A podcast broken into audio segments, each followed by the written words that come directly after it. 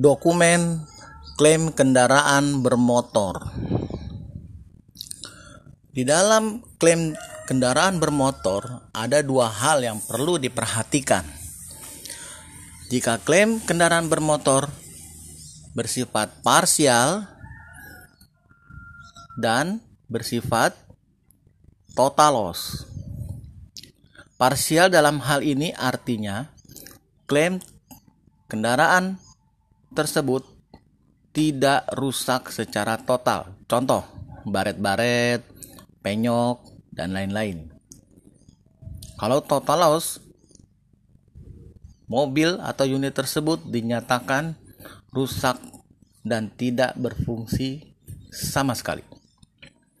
Dokumen untuk klaim partial loss atau sebagian yang diminta asuransi adalah satu pastikan premi atas polis tersebut sudah dibayarkan. Kedua, mengisi formulir klaim asuransi untuk dilengkapi dan ditandatangani oleh pemegang polis. Kemudian STNK yang masih berlaku. Kemudian fotokopi SIM bagi pemudi yang mengendarai kendaraan yang mengalami musibah tersebut dan dipastikan SIM dan STNK tersebut masih valid. Jika case itu adalah pencurian atau kehilangan, maka harus dibuatkan laporan polisi setempat tempat kejadian perkara. Kemudian, yang kedua adalah bagaimana jika kendaraan bermotor itu total loss atau rusak secara keseluruhan. Dokumennya apa saja? Satu, polis asli akan diambil oleh asuransi. Kedua, akan dicek bukti pembayaran premi.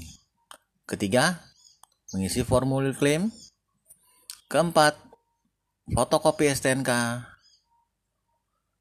dan STNK asli akan diambil. Fotokopi SIM, surat tanda lapor polisi, dan jika laporan tersebut adalah pencurian, maka dibutuhkan surat tanda blokir dari Polda setempat. Namun apabila bukan kasus pencurian seperti kasus kecelakaan atau kerugian yang mengakibatkan rusak keseluruhan dari mobil tersebut akan dimintakan BPKB asli. Witansi kosong 3 lembar.